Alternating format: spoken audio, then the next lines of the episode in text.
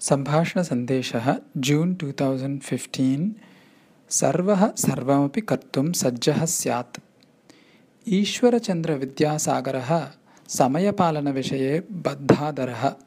स्वयं समयपालनं व्रतरूपेण कुर्वन् सः अपेक्षते स्म। अन्ये अपि तथैव आचरेयुः इति। अतः सः येषु कार्यक्रमेषु भागं वहेत् तेषु कार्यक्रमेषु समयपालनविषये विशेषादरः दर्शयते स्म। अथ कदाचित् एकस्यां सभायां तेन अध्यक्षता निर्वोढव्या आसीत्। किञ्चित् पूर्वमेव सः सभास्थानं गतवान्। तत्र सभामण्डपात् बहिः सर्वे स्थिताः आसन्। आयोजकाः चिन्ताक्रान्ताः दृश्यन्ते स्म। ईश्वरचन्द्रवर्यः आयोजकान् अपृच्छत्। किं कापि समस्या अस्ति इति।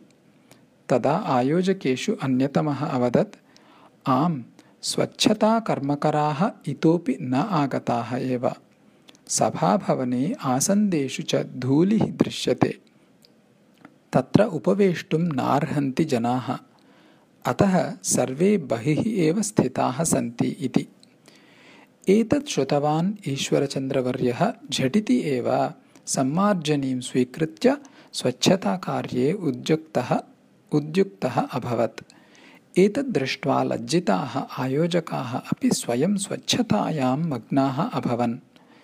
अतः अल्पे एव काले सभाभवनं स्वच्छं जातं यथासमयं सभा आरब्धा। अध्यक्षत्वेन भाषमाणः ईश्वरचन्द्रवर्यः अवदत् अस्माभिः सर्वैः स्वावलम्बिभिः भवितव्यम् राष्ट्रमपि स्वावलम्बि एव भवेत्।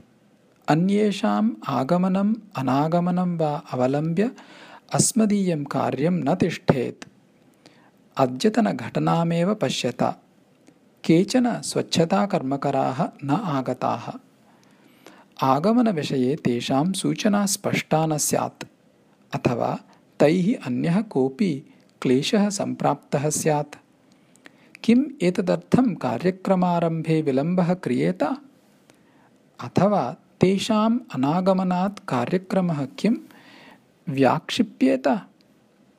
एवं कदापि न स्यात्। कार्यक्रमाय बहवः उपस्थिताः सन्ति।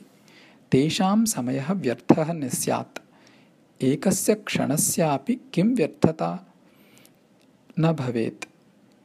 वयं स्वावलम्बिनः स्याम सर्वविधमपि कार्यं कर्तुं वयं सर्वदा सज्जाः स्याम। कार्येन किमपि क्षुल्लकं महत्वोपेतं वा? सर्वः अपि सर्वविधमपि कार्यं कर्तुं मनसः सज्जतां कुर्यात् इति